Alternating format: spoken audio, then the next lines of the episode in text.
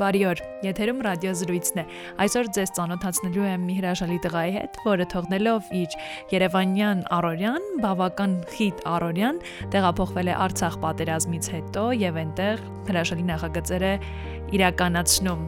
Իմ ռադիոյի տաղավարում է Վաչե Վարդանյանը։ Բարի օր։ Վաչե երբ եք տեղափոխվել Արցախ եւ ինչ նպատակով նոյեմբեր ամսին եմ տեղափոխվել Արցախ, ավելի ճիշտ նոյեմբեր ամսին գնացի, բայց վերջնական տեղափոխվեցի դեկտեմբեր ամսին։ Նպատակները տարբեր են։ Առաջին նպատակը, որ ապրեի Արցախը, ու երկրորդ նպատակը, որ այն ընկերներս, ովքեր որ զոհվեցին ու այն տղաները, ովքեր որ զոհվեցին, այդ ամեն ինչը,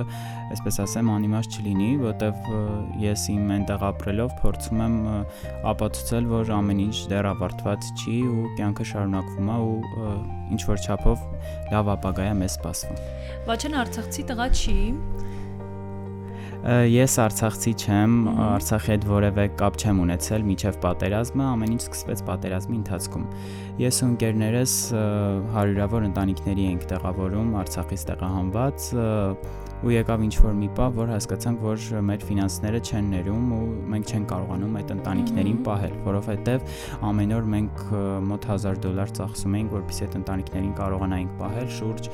700-ից 800 ընտանիքի մասին է խոսքը հիմնականում Ասկերանի եւ Մարտոնու շրջանից էին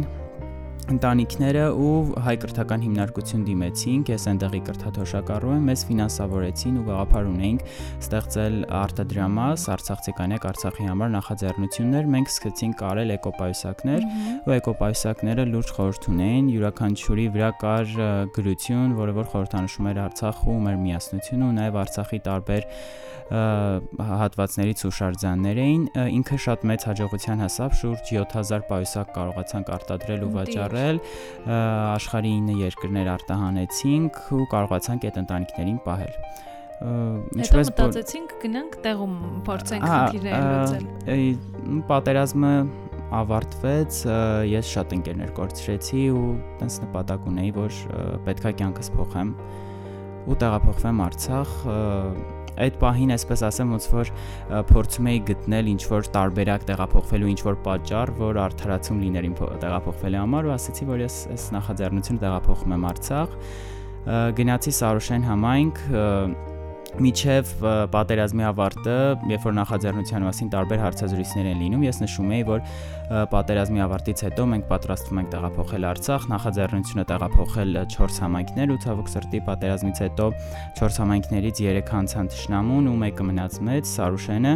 Ես տեղափոխվեցի Սարուշեն, Սարուշենի ընտանիքների մեծ մասը այստեղ Հայաստանում մեզ մոտ էին ու երբ որ տեղափոխվել էին, նույնիսկ իրենք դեռ չէին տեղափոխվել այնտեղ, Գտանք մի բնակարան, որը որ հիներ ու ավերված, բնակարանը վերանորոգեցինք, ելի հայ կրթական հիմնարկության ֆինանսավորմամբ ու նաև նշեմ, որ իրենք տնորենի գլխավորությամբ Արմինե Հարոյանի այն յուրահատուկ կառույցներից են, որ առանց որևէ կասկածի մեզ միշտ օգնել են ցանկացած հարցով թե ֆինանսավորմամբ, թե իրենց անձնական կապերով միշտ մեր կողքին են եղել առ այսօր։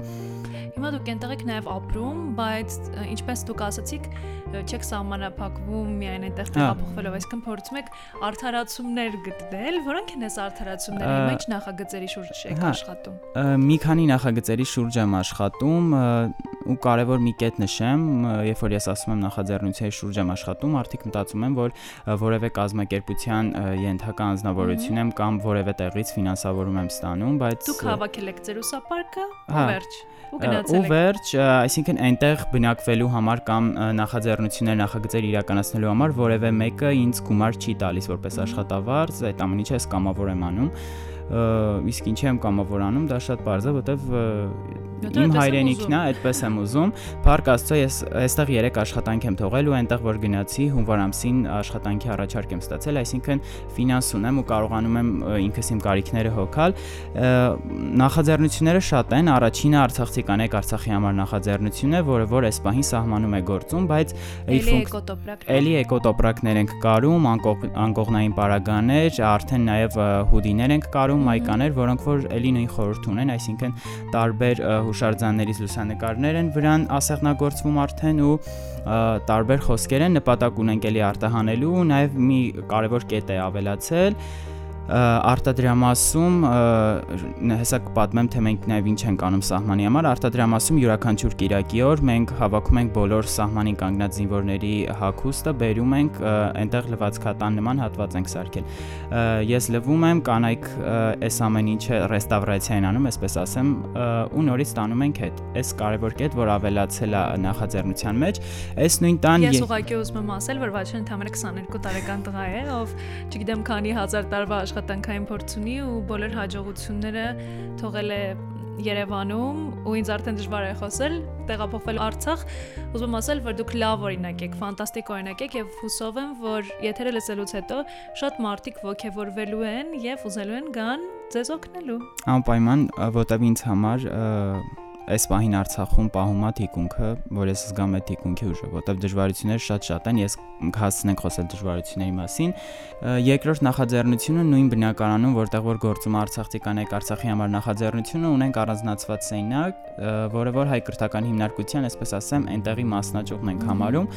կրթական կենտրոն է հագեցած գույքով ու տեխնիկայով, այնտեղ տարբեր կրթական ծրագրեր ենք իրականացնում։ Ես ինքս դասավանդում եմ տարբեր առարկաներ Սարուշեն համայնքի երեխաներին, նաև փորձում եմ մնացած համայնքներից բերել պատանիների ու նաև հայկրթական հիմնարկության ուսանողները on-line դասեր են իրականացնում նպատակ ունենք նաև ամռանը արդեն իրենք գան Սարուշեն ու տարբեր ծրագրեր իրականացնեն երրորդ նախաձեռնությունը ամուր սահման Facebook-յան խումբն է որտեղ ինքը փակ խումբ է, որտեղ որ այս պահին մոտ 1200 մասնակից կա։ Յուրաքանչյուր ամիս ես գրում եմ թե այդ ամսվա համար ինչ նպատակներ ունենք սահմանին կանգնած տղաների համար օրինակ ունենք ուրախ կիրակիներ երբ որ յուրաքանչյուր կիրակի գնումներ ենք իրականացնում ու տանում եմ պաշտպանական դիրքեր կամ ցանկացած բան, որը որ պետք է գալիս, համաձայնեցնում ենք զինվորների հետ ու փորձում ենք այդ նպատակներին հասնել։ Ես իրականում այս նախաձեռնության մասին այդքան էլ շատ չեմ խոսել, բայց պետք է բայց պետք է խոսել, որովհետև իմ նպատակներից մեկը նախաձեռնությունները սկսելու, ես նոյեմբեր ամսից այնտեղ եմ ու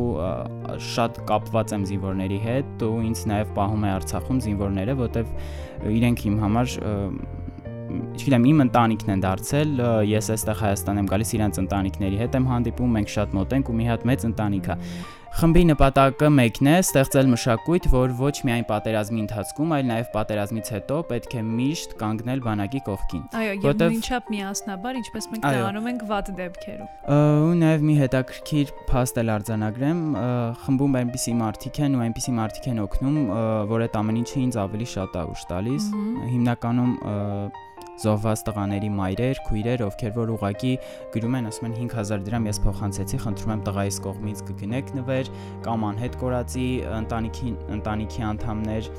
ու այս ամեն ինչը շատ շատ մեծ գաղափար ու ուժ ունի իր մեջ, այսինքն մարդիկ, ովքեր որ ունեցել են կորուստ, այդ կորուստից հետո ավելի են ուժեղ դարձել ու այս ամեն ինչը ինձ սահմանում ուժ է տալիս ու նաև այդ ամեն ինչի մասին ես միշտ զինվորներին եմ պատմում, ասում եմ տղեկ, չգիտեմ, սենց մի հատ աղջիկ էր գրել իր եղբայրը զոհվել է ու ինքը ձեր համար սենց բան է ուզում անի Մի խոսքով, այս 3 նախաձեռնություններն են ու 4-րդ նախաձեռնությունը, որի համար հիմա երկորով Հայաստանում եմ, մենք Կարմիր շուկայում ստեղծելու ենք IT կենտրոն, ինչի Կարմիր շուկայում, որովհետև նախ առաջին ինքը Սարուշենին մոտիկ է ու Կարմիր շուկա, Սարուշեն եւ Շոշ գյուղերը ոչ միայն սահմանապահ են դարձել պատերազմից հետո, այլ նաև Թշնամու հետ ընդհանուր է ճանապարհը դեպի Շուշի, Հադրութից Շուշի, այսինքն Թշնամին շաբաթվա մեջ 3-ից 4 անգամ ճանապարհով գնում է դեպի Շուշի, որը որ ավելի է իմ աշխատանքը ավելի է կարևորվում, որտեվ երկակի վտանգ կա այդտեղ ապրելով ու այդտեղի ընտանիքները պարտադիր պետք է ապրեն ու շենացնեն այդ համայնքները։ Կարմիր շուկայում IT կենտրոնում դասավանդելու է Կարմիր շուկայից մի երիտասարդ Արարատը։ Մենք գտել ենք սենյակը,